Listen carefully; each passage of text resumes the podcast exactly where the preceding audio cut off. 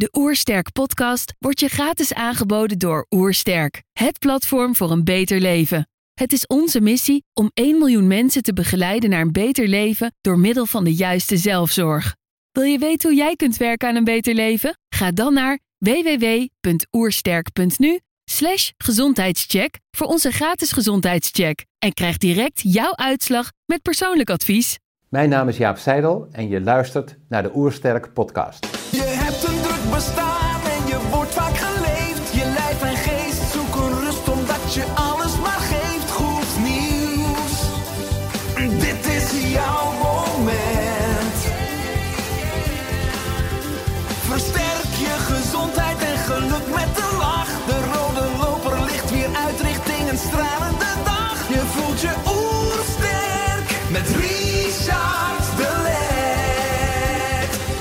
zijn hier in Heemskerk voor een podcast met Jaap Seidel. Jaap is professor gezondheid en voeding aan de Vrije Universiteit in Amsterdam. Ook adviseert hij diverse nationale en internationale wetenschappelijke organisaties, waaronder de Gezondheidsraad. Hij is auteur van meerdere boeken, waaronder Het Voedsellabyrint. Ik ben benieuwd naar zijn tips voor een beter leven. Trouwens, geniet je van onze podcast? Abonneer je dan en laat een reactie of review achter. Zo help je ons om het gezondheidsvirus te verspreiden. Let's start. De Oersterk Podcast. Een ontdekkingstocht naar een beter leven. Ja, welkom. Dankjewel. Ik hoorde je laatst in, eh, in de krant zeggen: ons voedselsysteem moet op de schop. Eh, kun je dat toelichten?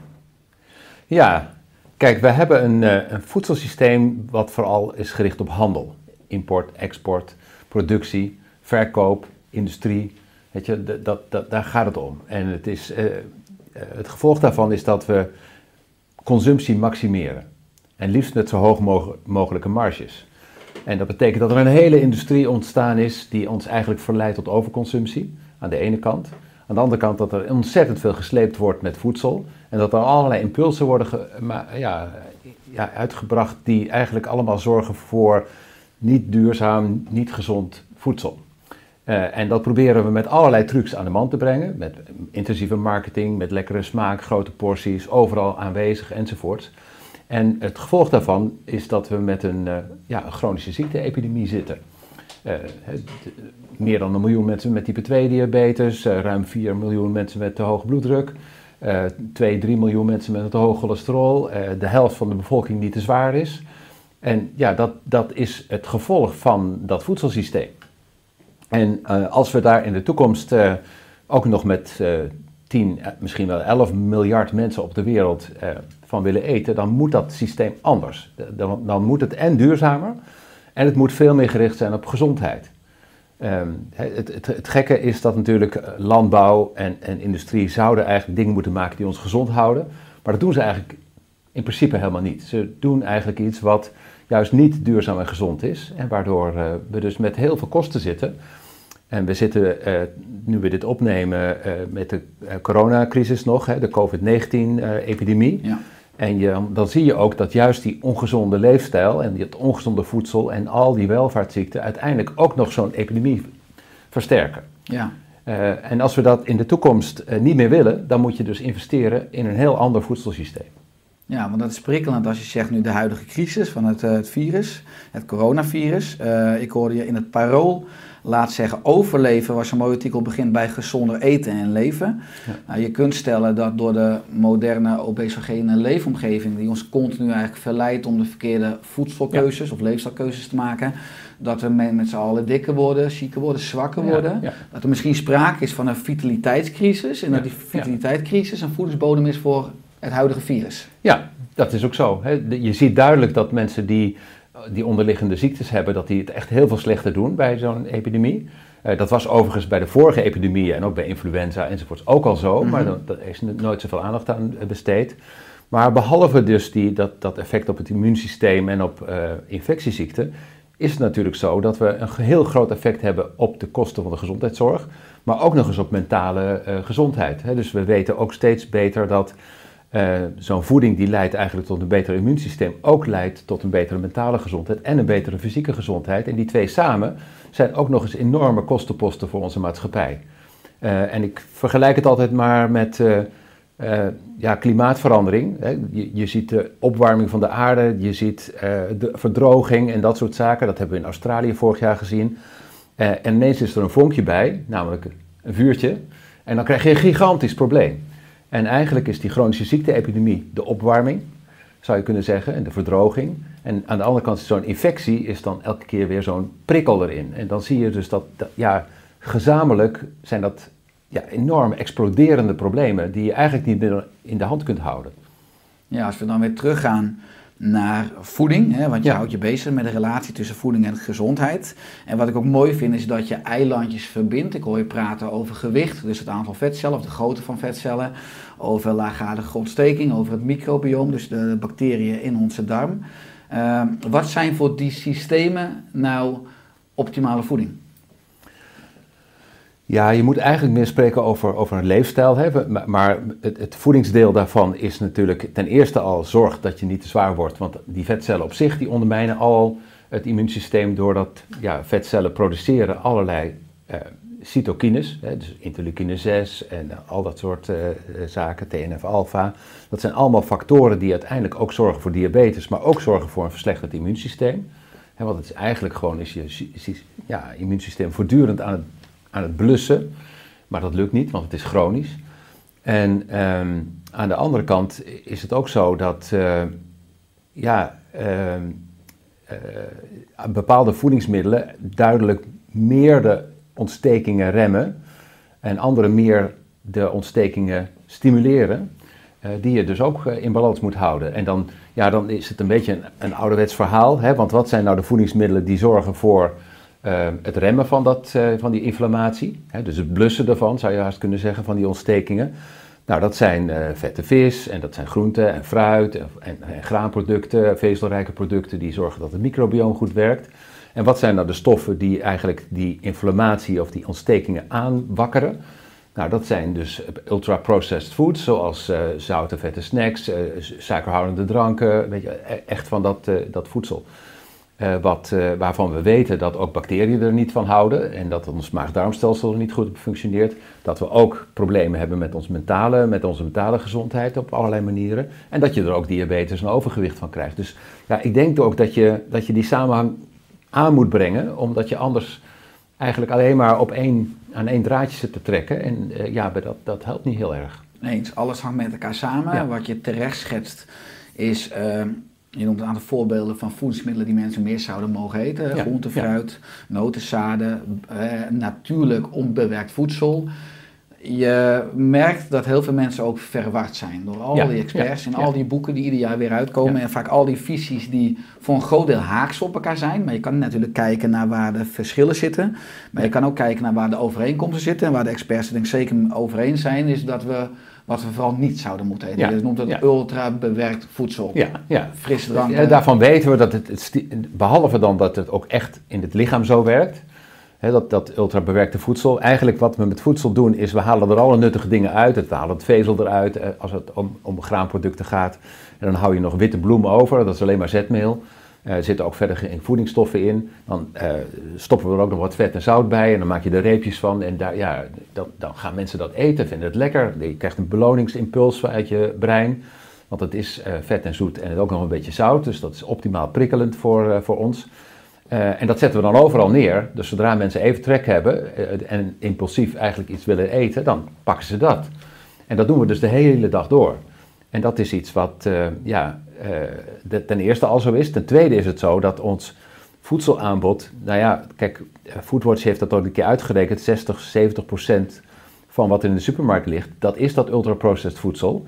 En bijna alles wat in de aanbieding is, dat heeft Question Mark onderzocht, is ook dat ultra-processed voedsel. Dus eh, ja, als je weet waar mensen op letten, dat is smaak, dat is prijs, dat is gemak, dat is, weet je, als we voedingskeuzes maken, ja, dan is alles gericht op dat ja, overconsumeren van dat ultrabewerkte voedsel. Ja. En dat doen we dus ook massaal. En, en dat verschilt heel erg per land. Hè. De- je- als je naar de cijfers van de Verenigde Staten kijkt, dan ziet het dat je 75% van de energie van wat mensen binnenkrijgen door voeding komt uit dat ultrabewerkt voedsel. Maar je hebt ook landen, neem nou maar eh, eh, Zuid-Italië, eh, hè, waar ze nog op die eilandjes wonen en zo, dan is het maar 10% of zo. Dus er zijn enorme verschillen in, in, de, in die consumptie. Ja, ik zeg soms, eh, dikke mensen zijn normale mensen in een abnormale omgeving. Eh, je kan stellen, is het nou een probleem van het individu? Is het een probleem van onze soort? Hè? We Ja, hebben nou helemaal ja. evolutionaire instincten. En wat is de rol van de overheid hierin? Want we zien Ja, ook internationaal dat prijsbeleid werkelijk invloed heeft. Ja. Nou ja, ik, ik, ik, eh, ik geloof dat ik al 30 jaar de, de metafoor heb van gezond leven. Dat moet je natuurlijk wel zelf doen. Niemand kan voor jou eten en, en eh, zou bewegen. Naar je mond, ja. Ja, nou, Ja. dat zal toch, ja, tenzij je op de intensive care ligt Ja. en een infuus, dan heb Klopt. je dan geen keuze. Klopt. Maar anders heb je, ja, je moet het zelf doen. Ja. Eh, en dat is, eh, ik, vergelijk het dus als met een bal die je vooruit moet drukken. Dus dat is best wel lastig. Hè? Je moet wel een beetje moeite doen, zeker in zo'n moeilijke omgeving. Maar hoe steil de helling is waartegen je die bal moet oprollen, dat wordt dus bepaald door de, door de prijs, door, je, hè, door de fysieke omgeving, de economische omgeving, door sociale omgeving, culturele omgeving. En dat zijn dus allemaal dingen die, als je ze opstapelt, ja, dan maakt het je het sommige mensen dus bijna onmogelijk om, eh, om dat gezonde gedrag nog te vertonen. Dus eh, ja, we zijn er met elkaar in de maatschappij voor om die hellingen naar beneden te krijgen. En voor iedereen even, even eh, plat, zou ik maar zeggen. en, eh, en dan moeten mensen het zelf doen. Ja. En, en daar moet je ze to- toe in staat stellen. En dat betekent dat je mensen de kennis en de vaardigheden eh, moet geven om dat ook te kunnen. En dat, ja, aan, beide kanten ontbreekt het dus. Aan de ene kant ontbreekt het eh, in de samenleving aan prikkels om zeg maar, die helling omlaag te krijgen. Zodat mensen gezonder voedsel produceren, dat ze het verkopen, dat je het op al die plekken neerlegt ook. Dat de standaardkeuze als je dorst hebt water is en dat je als de standaardkeuze als je even wat wil eten, dat, dat, dat er een schaal met wortels of met fruit staat bij- bijvoorbeeld. Dat is dus niet zo. En aan de andere kant is het ook zo dat mensen, als ze al in een gezondere omgeving zijn, niet de kennis en vaardigheden hebben. Ik, ik doe, eh, volgens mij doe jij dat ook, van die supermarktrondleidingen. Eh, en dan zie je dat mensen voor zo'n zo'n groot schap met allerlei verschillende soorten groenten staan en denken, ja, wat moet ik daarmee doen? Hoe moet ik dat snijden? Hoe hoe lang moet dat gekookt worden? En heb ik dan die tijd er wel voor? Ik heb die, ook geen pannen waar dat in kan in de keuken. Dus die, die vaardigheden en kennis, eh, ja, dat, dat ontbreekt ook voor een groot gedeelte. Ja, want ik hoorde je laatst zeggen in een andere podcast, eh, podcast Duurzaam Bedrijfsleven. Je werd geïnterviewd door eh, Paul van Liemt. Paul van Liemt. Ja. En toen had je het ook over het prijsbeleid. Toen zei je, de afgelopen 40 jaar zijn ongezonde producten 40% goedkoper geworden. Ja. En verse groenten en fruit 40% duurder. Ja. Hoe ongezonder en hoe minder duurzaam, hoe goedkoper het is. Ja. Dat is absurd. Ja. Dus hoe kunnen we dat dan doorbreken? Nou, door de overheid aan te spreken om dat, dat soort impulsen of, eh, die, die, die de overheid geeft om ongezond en duurzaam eh, en niet duurzaam voedsel te produceren, om dat te corrigeren. En want het is uiteindelijk natuurlijk ook eh, die prijs, dat prijsontwikkeling, dat gaat niet vanzelf. Dat gaat door enorme EU-subsidies, door allerlei gunstige regelingen voor de industrie en al dat soort zaken. Dat is allemaal prima voor de werkgelegenheid en voor banen en voor, voor, voor eh, inkomens van mensen die in, de, in, in die hele keten van voedsel zitten. Maar het ondermijnt de gezondheid van mensen. En ik denk, en dat zie je nu ook in de, in de, in de huidige tijd, je ziet nu een overheid die zegt, ja jongens, economie, maar gezondheid gaat voor. Dat zeiden ze nooit. Dat, als het over diabetes ging en, Klopt. en obesitas. Dat zeggen ze nu voor, voor het eerst dat ik het hoor. Ja, dat welzijn boven welvaart staat. Ja, Ja. Dat, dat, dat gezondheid boven economie gaat. Ja. En ehm, eh, nou, als, als we ze daaraan kunnen houden, als de coronacrisis over is, dan betekent dat dat ze op een heel andere manier naar voedsel moeten gaan kijken. En dat het dus helemaal niet zo erg is dat je het, ja, het ongezonde voedsel wat minder beschikbaar maakt, wat duurder maakt, dat je de porties misschien wat kleiner maakt enzovoort. En dat je ze niet verkoopt op scholen, in ziekenhuizen en in kantines en dat soort dingen. Eh, en dat je die gezonde keuze eigenlijk de standaardkeuze maakt. Want dat, dan heb je een beleid waarin gezondheid voorgaat. Eh, ik ben benieuwd. Eens, ja. Ik had laatst Rob Baan in de podcast. En Ja. die eh, is een voorstander van subsidie dan op groenten en Ja, fruit. ja. En hij zei, een, hij zei dan een enorm grote suikertax. Maar zie je dat ooit gebeuren, beide kanten? Ja, nou ja, kijk, die suikertax die is al in, in 30 landen of zo ingevoerd. Heb suikerhoudende dranken. Ook bij, bij landen met conservatieve regeringen, zoals in Engeland. Daar, is, daar loopt het als een tierenlier. Daar hebben ze ook gezegd, ja, nogal wie dus, weet je wel. We, we moeten die suikerconsumptie naar beneden krijgen.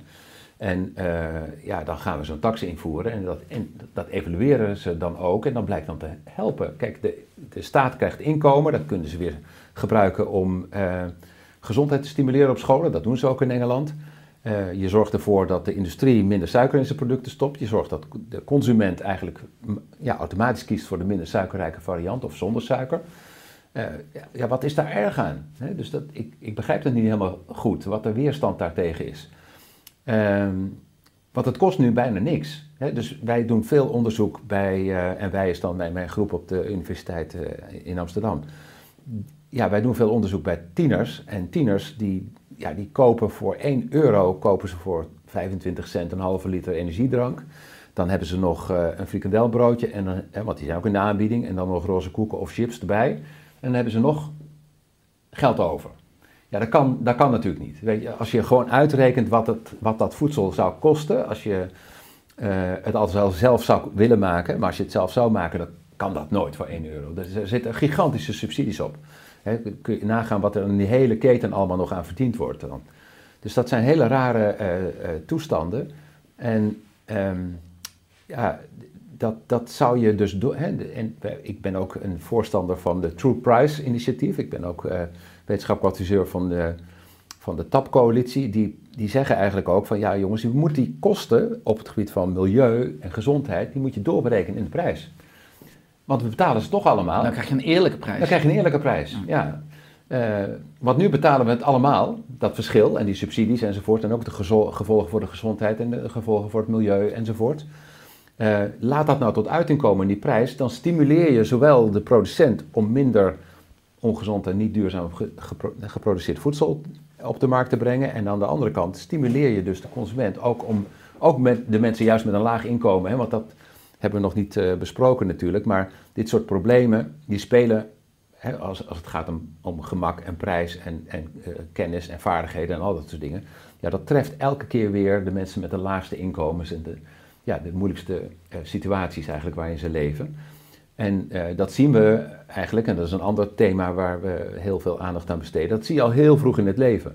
Dus als je als kind geboren wordt in een omgeving waar eigenlijk die gezonde keuze heel moeilijk is, ja, dan begint het eigenlijk al. Hè. Het immuunsysteem hadden we het begin over. Ja, dat wordt grotendeels ontwikkeld in, in die eerste duizend dagen na conceptie. Dus tijdens de zwangerschap, eerste twee levensjaren, eh, misschien drie levensjaren. Hè, de, de deskundigen die uh, werken op het gebied van immunologie en op het gebied van microbioom, die zeggen ja, na, na drie jaar is het ongeveer klaar. En dan kun je er moeilijk wat aan doen.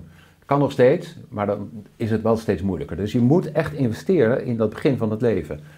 Uh, en als je dan eigenlijk in ongunstige omstandigheden uh, uh, leeft, dan, dan ben je al zwaarder als, als baby en als, als peuter. Dan heb je al chronische inflammatie, dan heb je een niet goed werkend immuunsysteem, dan heb je niet zulke motorische vaardigheden. je smaakvoorkeuren gaan al naar vet en zoet, die, dat is voortdurend bevestigd. Dan sta je al met 5-0 achter. Nou, probeer dan de wedstrijd nog maar eens te winnen. Dat is, dat is heel lastig om daar nog wat aan te doen. Ja, als we het hebben over een maatschappij van solidariteit. Dan, eh, toen ik geneeskunde studeerde op de VU, hadden we het ook over groepjes medische ethiek. Ja. Uh, als je het hebt over een ethisch aspect, dan vind ik dat we als maatschappij enorm falen. Je noemt een voorbeeld van middelbare scholieren die voor 1 euro inderdaad ja, allerlei ja. ongezond voedsel kunnen kopen. Ik heb op heel veel basisscholen en ook bovenbouw, onderbouw lezingen gegeven over voeding en leefstijl. Als je dan in die, in die bakken kijkt wat ze eten in de pauzehapjes. Uh, begint daar de werkelijke revolutie ook niet echt? En ja, daar zeker. Dus ja, ja, dus die eerste duizend levensjaren, wij doen, wij doen ook dat onderzoek op de basisscholen. We hebben denk ik duizenden van die trommeltjes gefotografeerd. De, dan zie je eigenlijk dat we in Nederland gewoon uh, uh, geen belangstelling hebben voor voedsel. Waarom is dat? Nou, we hebben getimed hoe lang kinderen de tijd hebben om te eten. Dat is acht minuten. Uh, dan moeten ze zo'n trommeltje leeg eten. Wat zit er in zo'n trommeltje? Nou, natuurlijk iets wat je gemakkelijk snel weg kunt werken. Hapslik, want niet te veel kauwen. Dus dat is wit brood met een zoet drankje om het weg te spoelen. En een reepje. Weet je wel, dat is voor 10 uur. Dat is allemaal, is allemaal suiker en zetmeel. En, en geen groente, geen vis, geen, al die dingen die uh, uh, eigenlijk belangrijk zijn voor de ontwikkeling van, van een kind. Dus, dus massaal zeggen wij eigenlijk, ja, doet er niet toe. Je moet er gewoon geen tijd aan besteden, geen geld aan besteden. Je moet er, het is niet belangrijk als je maar vol zit. Uh, bij wijze van spreken. En ja, dat, dat, dat schuurt natuurlijk heel erg. Als je ziet dan dat wij uh, in Nederland kinderen hebben, 1% van de kinderen eet voldoende groenten. En, en 2 of 3 procent voldoende fruit. En dat gaat maar niet omhoog. Dat was toen ik studeerde in de jaren 70 ook al zo en dat is nu nog steeds zo. Eh, en ja, de, we hebben dan wel voorlichting en dan zeggen ze, ja, eet meer groente, eet meer groente. Maar dan, dan vervolgens eh, komt er een kabinet die zegt, we moeten eigenlijk nog eens ergens een postje hebben, want we moeten eigenlijk die belastingverlaging nog een beetje regelen enzovoort voor die hogere inkomens. En eh, nou, weet je wat, dan doen we de BTW op groente omhoog. Ja, Van 6 naar 9. ja, dat, kan toch, ja dat, dat klopt dus niet met elkaar. Eh, dus enige consis- consistentie in het denken en de visie over wat willen we eigenlijk. Want we- we hebben het wel over solidariteit, maar uiteindelijk gaat het ook onszelf aan eh, als maatschappij. Want het niet investeren in een gezonde generatie is een generatie die niet goed presteert, niet mentaal, de- de- de- niet optimaal functioneert op school, dus ook later niet eh, optimaal pro- productief is. En eh, nou, dan bedoel ik creatief, productief in termen van economische zin enzovoort. Eh, veel meer problemen hebben, veel meer zorgkosten hebben enzovoort. Ja, dat betalen we dus met z'n allen. Ja, Dus die solidariteit, ja, het is echt niet zo dat je de, eh, kunt denken van nou, ik eh, regel, regel het zelf wel. Ik heb eh, genoeg geld, voldoende opleiding en mogelijkheden. Ik laat die rest maar zitten, die moeten voor zichzelf op- opkomen. Je betaalt uiteindelijk als maatschappij die prijs toch. Ja. Eh, dus dan kun je veel beter met elkaar dat gewoon afspreken. Ja, daar ben ik het mee eens. Want ja, het is natuurlijk interessant dat ja, ongezond voedsel, een zak patat, ook goedkoper is dan een mootsal met broccoli met, met zoete aardappel. Ja, ja. En je, je gaf al aan dat het gezondheidsprobleem voor een groot deel ook samenhangt met sociale klasse. Ja. Eh, nou, ik ben, omdat ik wist dat we van, eh, vandaag de podcastopname zouden hebben, ook even gaan rekenen.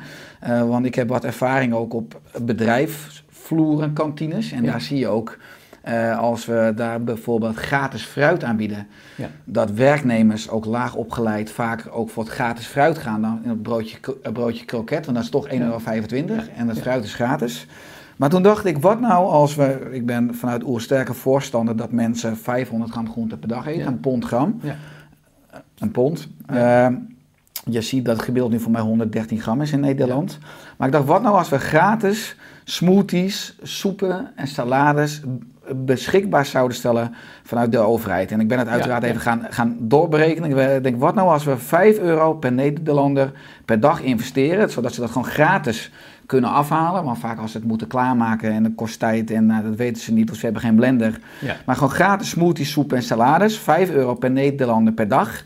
Ja. Nou, als we dat investeren, 5 euro maal 17 miljoen en dat maal 365, dan investeren we 31 miljard euro per jaar. Ja. Ik, ik had zelf een, een Eureka-momentje, want ik denk, we hebben nu bijna 100 miljard euro zorg- Ja. of ziektekosten. Dan moeten we toch ook kunnen zien dat dat misschien al 31 miljard euro lager is. Ja, ik, ik, ik ben niet zo voor. die- Ben ik dan een dromer, of? Nee, nou ja, ten, ten, ten, ten eerste is dat heel duur, 5 euro. Dat is echt heel veel te veel. We hebben uitgerekend wat er bijvoorbeeld een gezonde basisschoollunch zou moeten kosten. Nou, dan ben je 2 euro, kun je het makkelijk doen. Ja. Eh, en dan eten alle kinderen, als we dat op alle basisscholen, alle dagen van de, hè, de werkdagen van de week, schooldagen van de week doen, dan ben je voor 1 miljard ook wel klaar. Ja. 1 à 2 miljard. Dan hebben alle kinderen elke dag eh, op school een gezonde lunch. Ehm, gaat dat in, in, in zorgkosten schelen? Ja, nou, ik, ik heb lang bij het RIVM gewerkt en daar zitten zorgeconomen en die zeggen, ja jongens, maar preventie leidt uiteindelijk tot meer kosten. Eh, mensen worden ouder, hè, dus ze overlijden niet meer op hun 50ste aan een hartinfarct, ze overlijden niet meer eh, aan, aan de complicaties van diabetes op hun 60ste, maar ze gaan 20 jaar la- later dood. Dan krijg je al die kosten alsnog.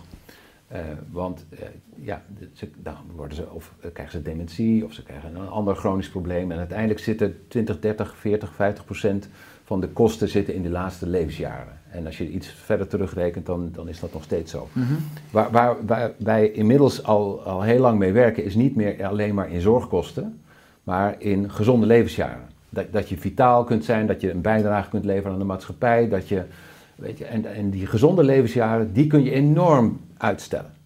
Eh, dat betekent dat je eh, in plaats van op je zeventigste al, eh, of op je vijftigste, want dat is bij lage inkomens zo, op je vijftigste krijg je al chronische ziektes. En dan kun je er nog twintig jaar last van hebben. Want we zijn inmiddels wel zo knap dat je met medicatie en allerlei begeleidingsprogramma's en, en, en, en chirurgie en al dat soort zaken, kunnen we die, iemand die op zijn vijftigste diabetes krijgt, die kan nog makkelijk 80 worden. Ben je 30 jaar aan het behandelen. Het Enorm. sterfste uitstellen. Ja, Ja. ja.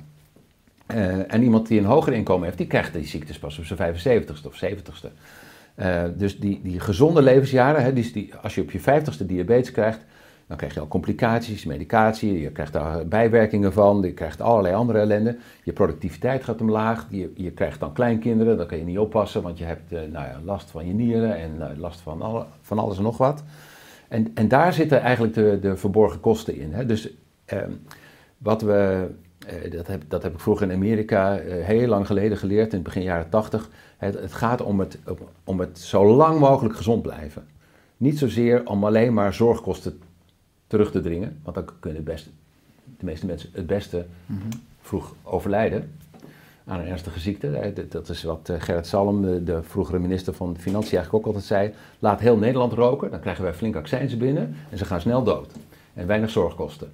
Ja, dus als je alleen maar aan euro's denkt, dan, dan is dat een te versimpeling.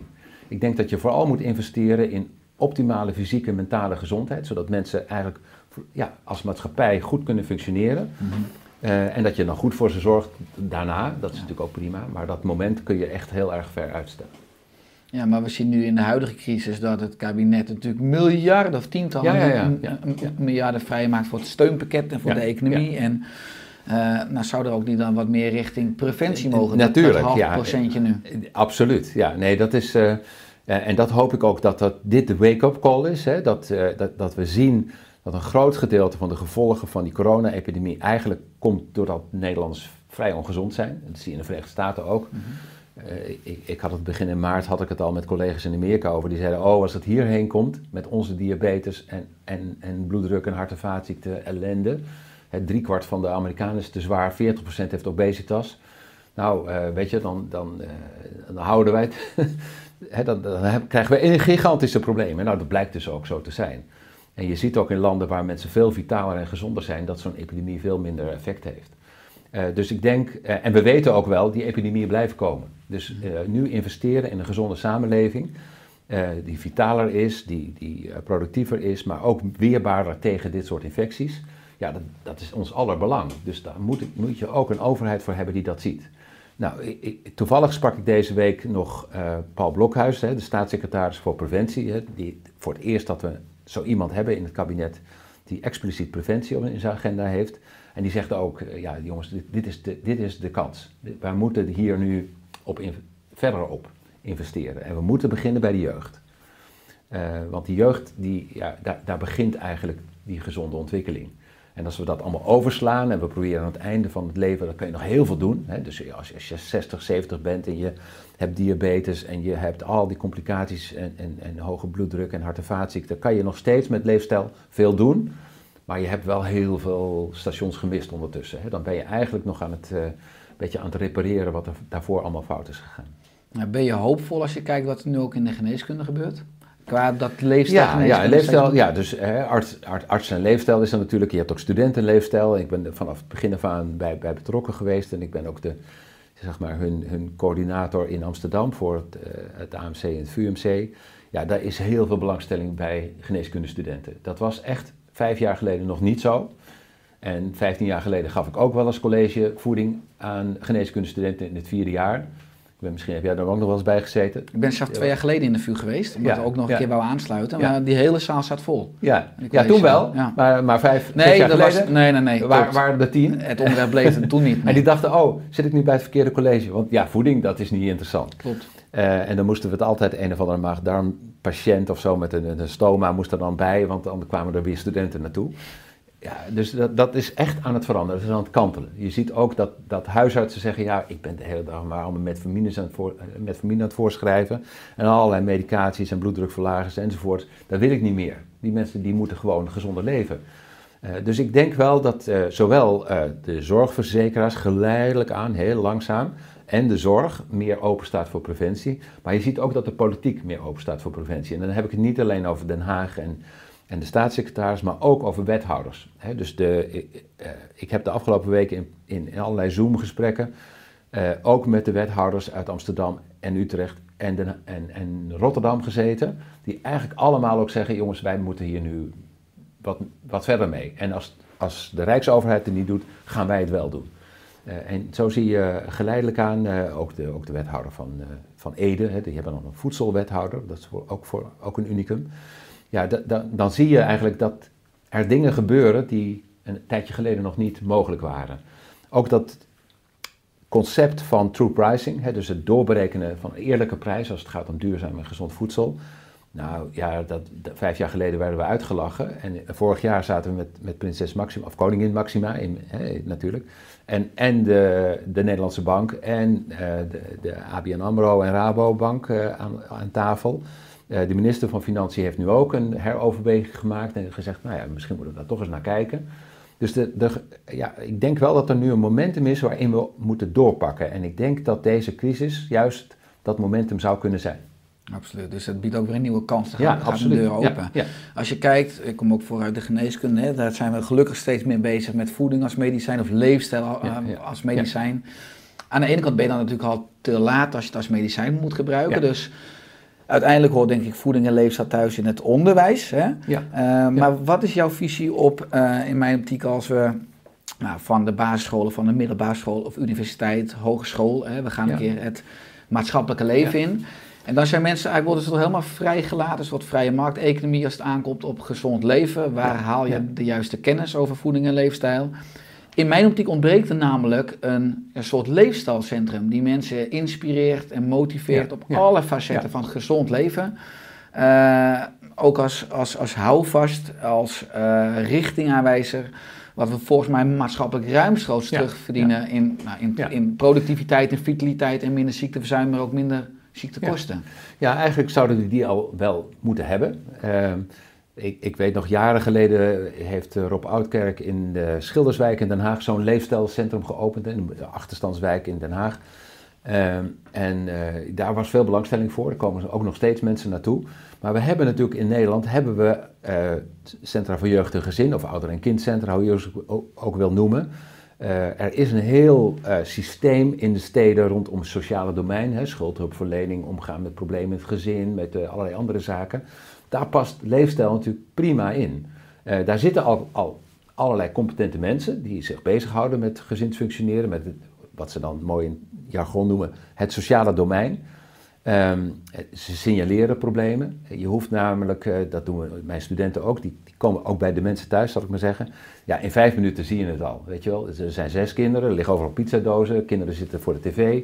eh, moeder heeft geen tijd, vader is in het buitenland, want die moest ook voor zijn werk weg.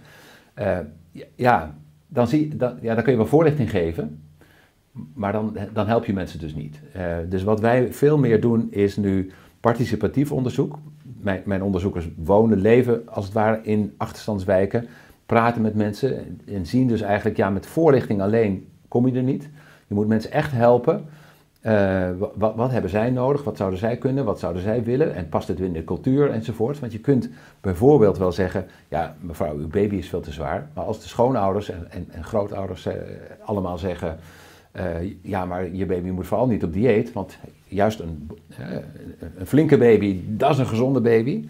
Die kan tegen een stootje. Het bovendien ook mooi.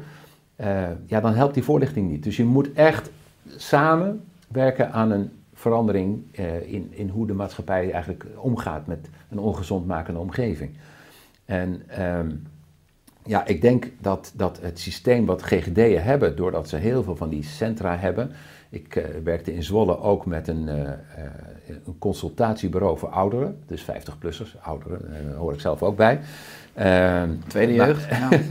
nou ja, maar goed, daar was dus ook veel belangstelling voor. Dus eh, ja, het kan heel gemakkelijk in Nederland. Dat kan eigenlijk al in de structuur die we eigenlijk hebben bedacht. Ehm, en je ziet eigenlijk ook dat de jeugdzorg en de jeugdgezondheidszorg wel signaleren en zeggen, ja, we zien dat natuurlijk al helemaal uit de hand lopen, die leefstijl van die kinderen. Die zitten met, eh, nu sprak ik een, eh, een, eh, een jeugdarts die zei, ja, ik kom dus bij gezinnen, daar zitten ze al zes weken nu met z'n allen op 40 vierkante meter. Eh, er is ruzie onderling tussen de kinderen enzovoort. Het ene kind moet in de douche eh, zitten om daar huiswerk te maken, de andere die moet dat en dat doen. En dan komen wij aan met het verhaal van, eh, heeft u wel genoeg eh, groente en fruit gegeten? En eh, zou u eens niet denken aan zitten met dat? Nou, dat, dat, dat kan natuurlijk niet op die manier. Dus die, ehm, ja, die signaleren het wel, maar die hebben niet de kennis en vaardigheden om er wat mee te doen. Dus behalve alleen maar de artsen, eh, denk ik juist dat ook de mensen die werken aan eh, opvoedingsondersteuning, aan schuldhulpverlening, aan allerlei armoedeproblematiek en, en stress en ja, andere zaken die misgaan in het leven eh, of kunnen gaan in het leven, dat je die mensen ook competent maakt eh, op het gebied van leefstijl. Mooi, het blijft boeiend hoe je al die gebieden, al die domeinen eigenlijk moet overzien. Hè. Wat vind je het leukste aan je werk, aan je vak? Waar, waar word je het blijst van? Ja, nou dat, dat is eigenlijk veranderd. Hè. De- vroeger werd ik blij van, daar hadden we veel artikelen geschreven en er waren heel veel promovendi geweest en, eh, enzovoort. Hè, dat is waar namelijk waar je voor eh, beloond wordt. krijg je een, Ja. een, een klopje eh, op je schouder van, de, hè, van, de, van de- het bestuur van de universiteit. Als je maar veel geld binnenhaalt, veel artikelen pu- publiceert enzovoort. Maar dat, uiteindelijk, weet je, dan, kijk, eh, ik- twintig jaar geleden of zo keek ik terug en toen dacht ik, ja, maar wat levert dat nou op? Dat levert allemaal, ja, leuk voor de bühne enzovoort, maar we moeten echt zelf wat doen. Dus ik werk nu heel intensief met de GGD samen, met de gemeente Amsterdam, met allerlei soorten van disciplines, maar vooral ook met de mensen zelf, de bevolking in achterstandswijken, maar ook de professionals die daar werken, om samen te kijken hoe kun je dat verschil maken. En, en dat, ja, daar word ik blij van. Als je dus ziet dat op zo'n, we hebben dan van die babyochtenden in de stadsboerderij in Amsterdam-Oost en Am- Amsterdam-Nieuw-West, dan, dan zie je dat daar allemaal ouders en die zeggen, ja, god, dat wist ik helemaal niet. Dat, eh, Ja, dat hoor ik nou voor het eerst, dat het ook zo kan en dat ik dat en dat met mijn kind zou kunnen doen. Eh, hoe ik goed mijn tanden poetsen, dat wist ik eigenlijk ook niet. En, eh, allemaal van die hele basale vaardigheden waarvan we eigenlijk denken, ja, dat kan iedereen. Iedereen kan koken en iedereen kan, weet precies wat hij moet doen eh, als het gaat om gezonde leefstijl. Dat is dus niet zo. Dus die elementaire kennis en, en vaardigheden op het gebied van gezond leven, die, eh, eh, ook op het gebied van voeden en opvoeden van, van je kinderen, ja, dat zijn heel belangrijke dingen, maar daar geven, geven we mensen geen opleiding in. Wel rekenen, taal en. Hè, we hadden het laatst ook over de, het opnieuw maken van het curriculum eh, in, in scholen. En dan zijn van die mensen die zeggen: ja, mensen moeten nou Chinees leren, want dat is goed voor de economie en, eh, enzovoort. En dan denk ik: nee, je moet investeren in wat mensen echt belangrijk vinden. Eh, en dan zeggen ze, nee, maar dat is de taak van de ouders. Dan zeg je, maar de ouders kunnen het ook niet. Wie gaat nou die cyclus een keer doorbreken dan? Dus eh, investeren in gezonde leefstijl en, en in kennisvaardigheden vanaf, het, ja, ja, vanaf de jongste leeftijden, dat moet eigenlijk gewoon standaard, eh, moeten we dat in ons systeem hebben. Is dat zaadje al geplant? Is dat nu aan het ontwikkelen? Ja, ja, dat is, ja, je ziet, er is nu een groot programma van, van het ministerie van VWS en dat heet Kansrijk Start.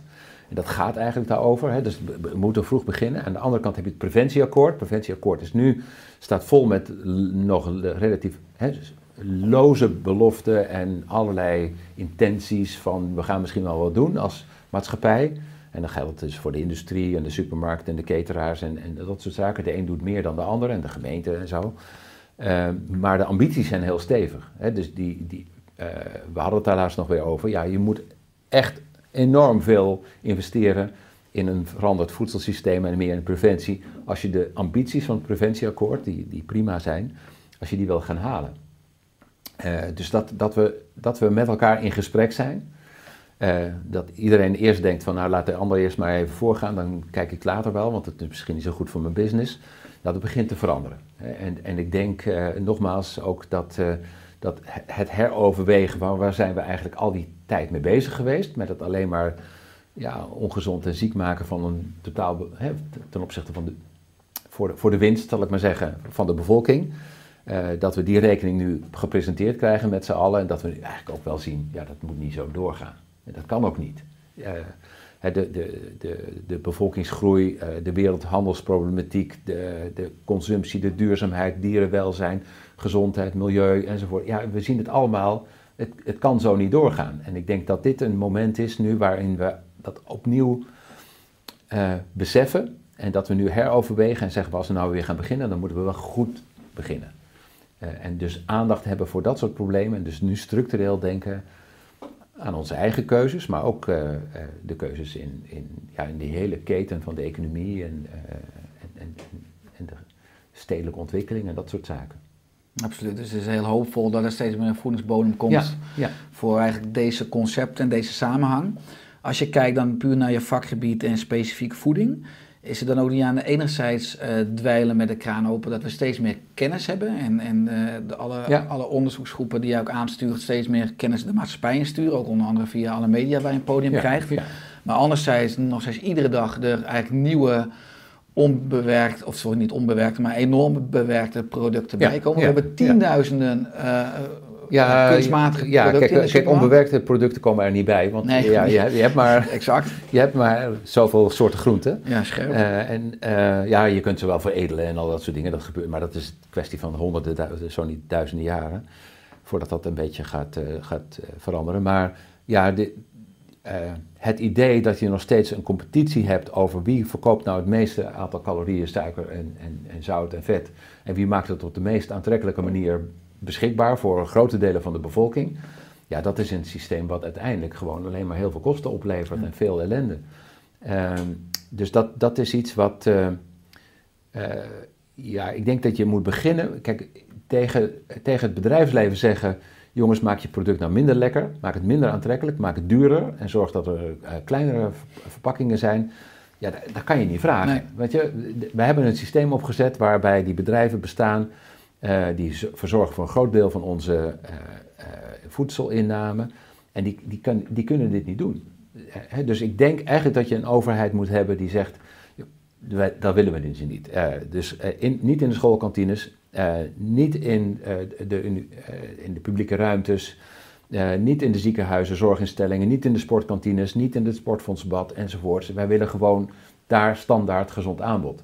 Dat kan natuurlijk best, dat je dat met elkaar afspreekt. Absoluut. En dat je zegt in een stad als Amsterdam, ik, ik eh, praat er veel over met de ambtenaren in de stad die zeggen, ja, rondom die scholen, het is één groot eh, eh, ja, festival van ongezond eten.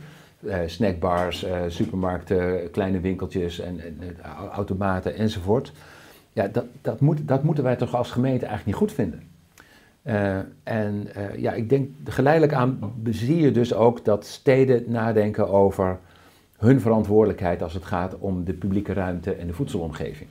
Vroeger was dat meer van, ja, dat staat er nou eenmaal, want ja, kijk, een school moet natuurlijk ook zijn, zo nu en dan zijn gymzaal eh, kunnen opkalefateren en een beetje verven en zo, dus dan moeten ze geld hebben. Dat geld is er niet, dus als je een automaat neerzet, krijg je 10.000, 15.000 euro per jaar, daar kan je dat weer van doen.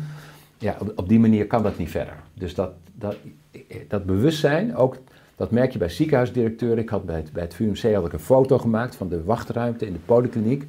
Daar kon je behalve alleen maar frisdranken, snacks en, en, en snoep, kon je daar aanstekers kopen. En dat had ik gepost op, op Twitter of zo. En toen kreeg ik binnen 10 minuten kreeg van, dat kan niet bij ons, dat moet oud zijn, dat moet ergens anders wezen. En toen ben ik met mensen van het bestuur naar die wachtruimte gegaan en zei, hier staat die, die automaat. En dat wisten ze niet. Nooit, nooit geweten. Eh, dat, dat er zoveel ongezonde aanbiedingen zijn in, zeg maar, in, de centrale hal van een ziekenhuis, dat in al die zaken, de kantine enzovoort. Eh, ja, dat wisten ze ook niet. En dus dat je eh, als eh, internist de hele dag in je wachtkamer mensen met diabetes, en hoge bloeddruk en hart- en vaatziekten voorbij te komen. En je vertelt ze, dat en dat mag moet u eigenlijk niet eten. En dat, dat en dat moet je wel eten. Want dit- dat, die verlichting is daar wel eh, aanwezig.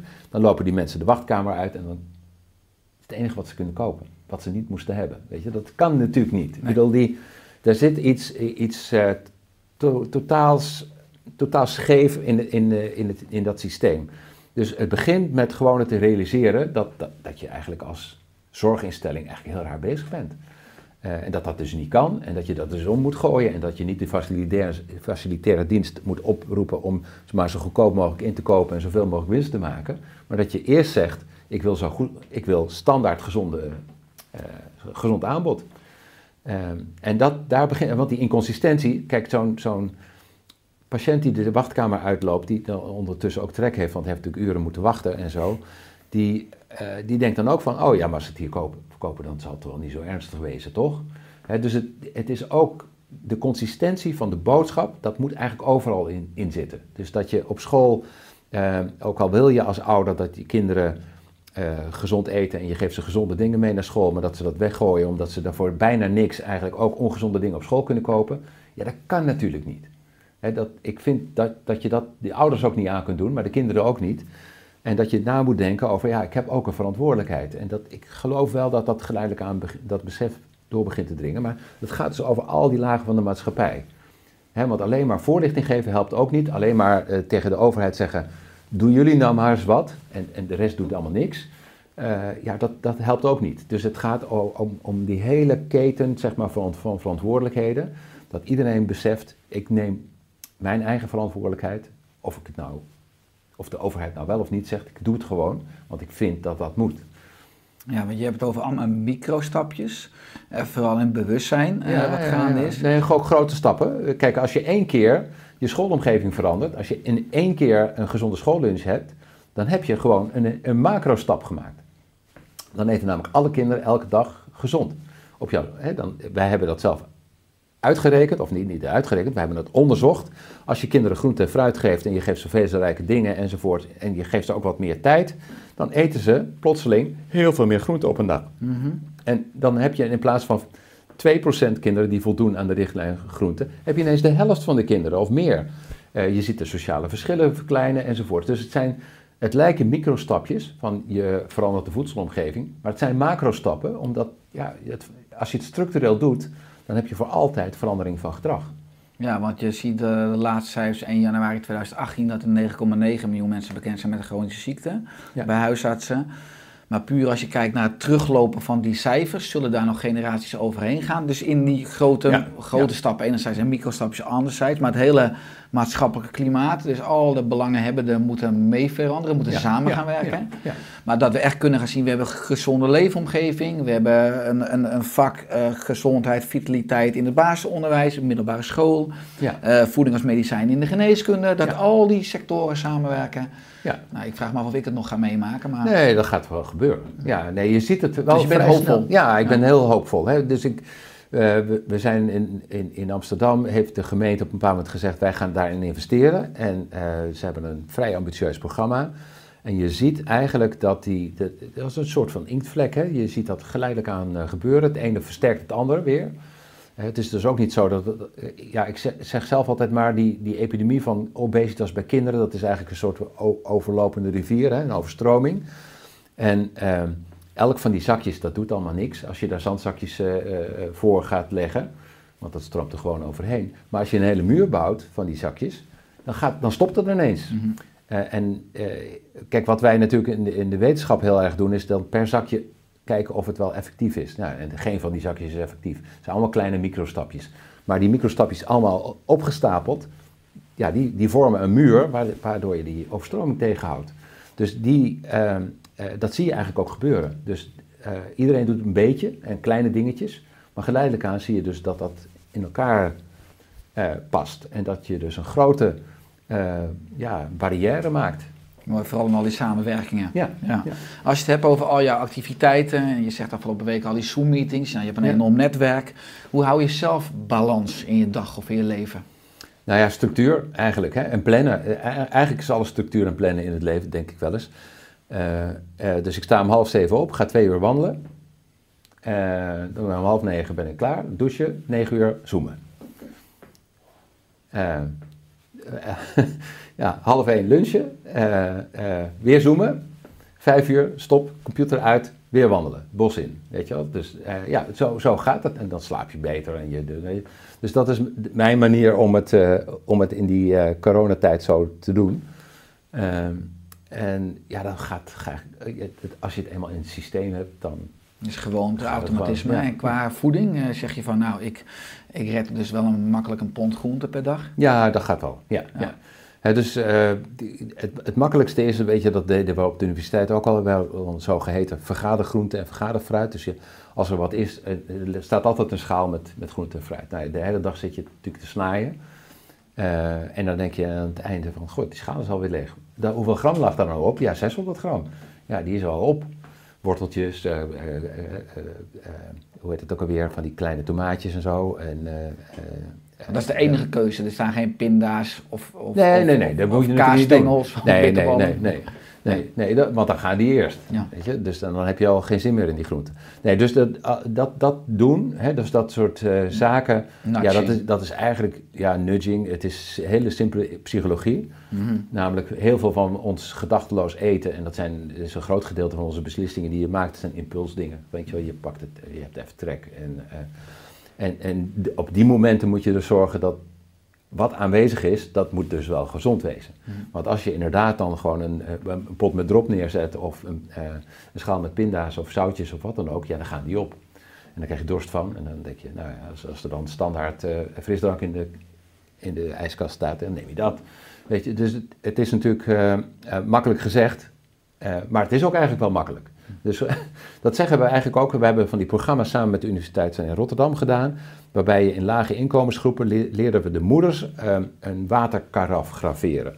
Mooie glazen karaf met de namen van hun kinderen en eh, al dat soort eh, eh, symbolen die ze belangrijk vinden en zo. Nou, eh, de weken aan gewerkt onder, onder leiding. Geen enkele boodschap over gezondheid. Mhm. Karaf gaat mee naar huis. Ja, daar doe je geen cola in, daar doe je water in. En die staat op tafel, want dat is belangrijk. Weet je wel. Daar zijn ze trots op. Er staan Ja. ook de namen van de kinderen op, die vinden het ook leuk. En die drinken dus water. Als de kinderen uit school komen, dan gaat, de- eh, drinken ze daar water uit. Eh, dus ook, da- ook voor hun is het heel gemakkelijk. En je hoeft niet eens te benadrukken van... Ja, maar weet je wel hoe slecht dat voor je gebit is, die suikerhoudende dranken. En weet je wel hoeveel suikerklontjes erin zitten en hoe slecht dat is.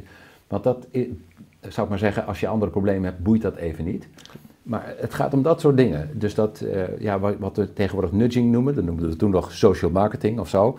Eh, dat is allemaal van die modetermen. Maar het gaat ook uiteindelijk over zorgen ervoor dat, dat, dat het gewoon vanzelfsprekend gaat. Dat je het gewoon vanzelf doet. Ja. En dat kan veel meer nu dan eh, we tot nu toe doen. Ja, want je zegt, ik gedij erg goed bij structuur en planning. Ja. Eh, aan de andere kant zie ik het altijd overal in de media. Hè? Als je kijkt, kranten, magazines, televisie Ja, ook. dat kost niet zoveel tijd hoor. Nou, zeg maar, die bellen je niet op, eh, op een... eh, tenminste, die bellen je vaak ook op de raadste tijdstip. is mijn ervaring althans. Ja, nou ik heb de telefoon wel vaak uitstaan. Ze mailen wel of sms'en, maar weet je, zo'n zo'n programma, nou ik heb er nu een paar gedaan en maandag is er weer zo'n, die mensen komen met een cameraploegje en een in- in- interview en dan zeg ik kom om, eh, kom om half één even. Eh, dan eh, zijn ze kwart voor één weer weg. Ja, weet je, dus zo, zoveel tijd hoeft het niet te kosten. Dat kader je ook en dat structureer je ook vooral via ja, de mailbox. ja, ja, ja, ja, ja. En zo, nou ja, zoals nu, een podcast. Dit is eigenlijk de eerste keer dat ik nu weer echt reistijd heb. Dus het kost nu, nu een halve middag. Dus dat, had ik, ja, dat moet ik wel inhalen in het weekend, zeg maar.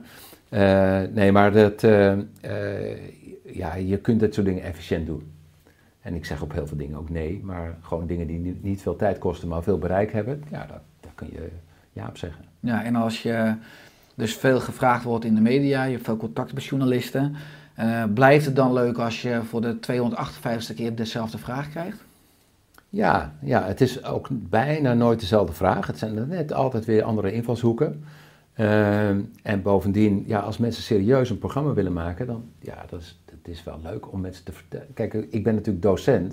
Ik vind het leuk om kennis over te brengen, of het nou scholieren zijn of studenten of wat dan ook, of huisartsen.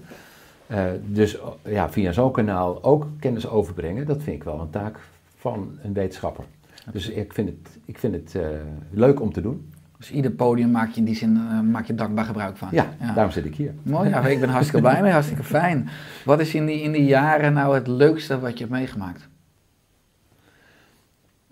Oh, dat is wel best wel lastig. Maar eh, ik denk toch wel dat eh, in, in de tijd dat. eh, dat is de afgelopen acht jaar geweest dat we een wethouder hadden in Amsterdam, Erik van den Burg. En die, ja, die, die kwam gewoon. Die zegt: Jongens, jullie moeten me helpen. Want ik wil, ik wil hier echt iets aan doen. Aan het probleem van ongezonde kinderen en jeugd enzovoort. Als dat geld kost, maakt niet uit. Weet je wel. Ik, ik wil dit gewoon regelen. En.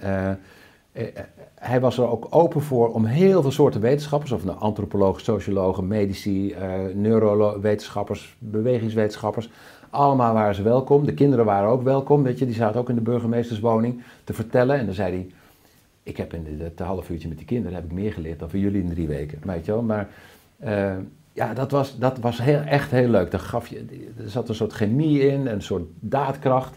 Zijn ook allerlei dingen plotseling verboden. Hè? Dus de, de, ik hou niet zo van verbieden, maar de, de- hij heeft gezegd, ja, als ik, ik ben voor, wethouder voor sport en voor, voor jeugd en gezondheid en al dat soort dingen.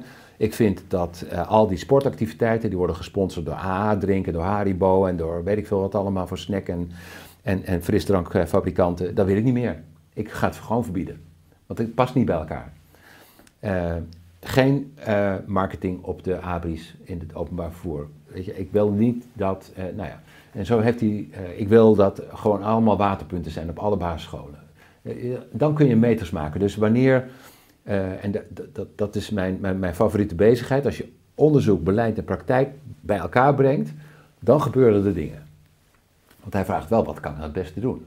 Wat is, ik heb maar zoveel euro, wat, kan ik nou, is het meest effectieve?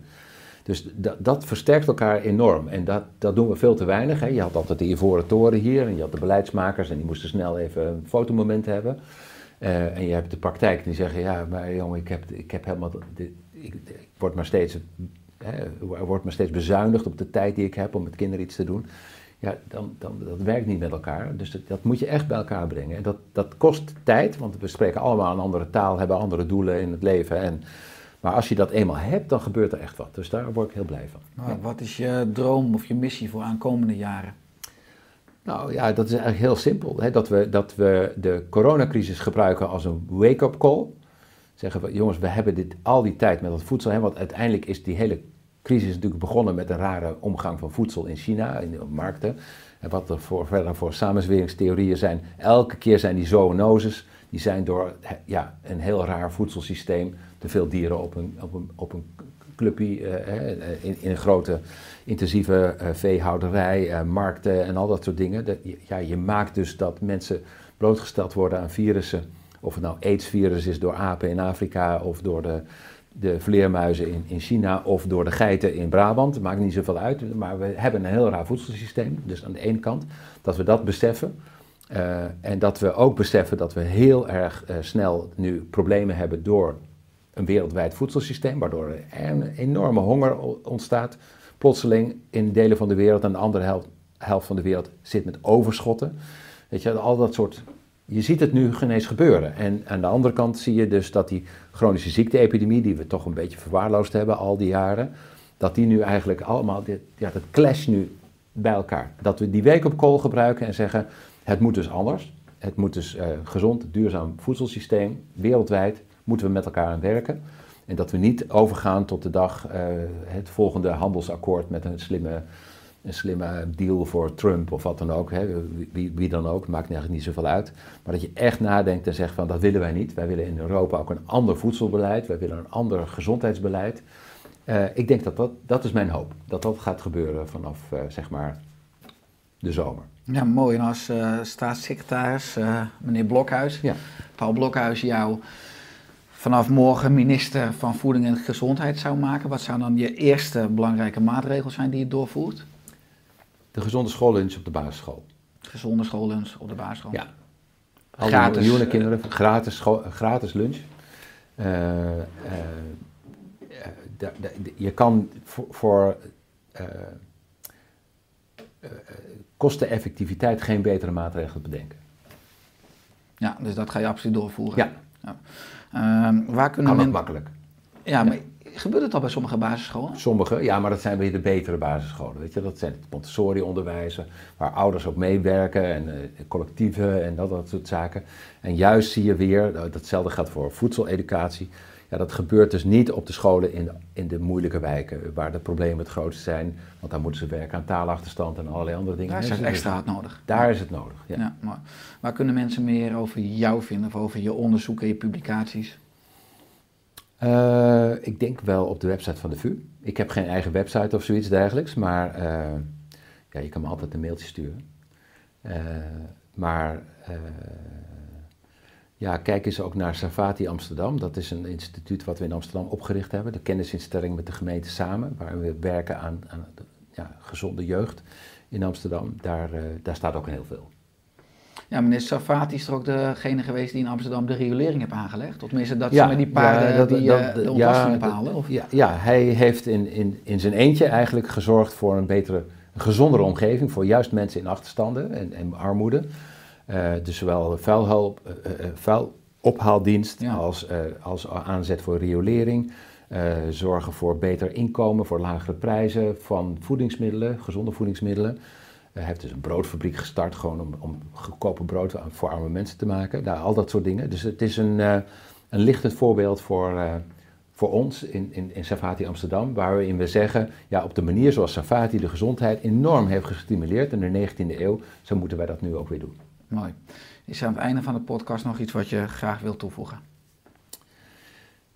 Nou ja, de, ja dus, het gaat, eh, denk ik, gaat om twee dingen wat, wat mij eh, betreft. Het gaat dat we niet zoveel veel mensen eh, zeg maar individueel verantwoordelijk maken en zeggen dikke schuld, eh, eigen schuld, dikke bult. Dat je eigenlijk denkt aan de achterliggende stroomopwaartse factoren, daar moet aan gewerkt worden. En dat, dat, dat doen weinig mensen. En aan de andere kant dat we beseffen dat al die chronische welvaartsziekten op ouder leeftijd, dat die heel vroeg in het leven beginnen. En dat je dus eigenlijk uh, daar ook je aandacht aan moet besteden. Absoluut. Nou, laten we bruggen bouwen waar we kunnen en die informatie en je kennis Ja. verspreiden, ook via de- deze podcast. Ik wil je hartelijk danken, Jaap, voor je komst. En Ja. ik wil je vooral hartelijk danken voor, want ik ken je in die zin al jaren via media. Ik bewonder je enorm en eh pet je af voor die boodschap die je continu via heel veel platforms Ja. blijft verkondigen. En eh, heel veel mensen helpt in de bewustwording naar een gezonde leven, een gezonde voedingspatroon. Dus eh, ga vooral door met je hele team en Dankjewel. nogmaals Ja. dank. En jij ook dank voor je tijd en ook succes met jouw missie. Dankjewel.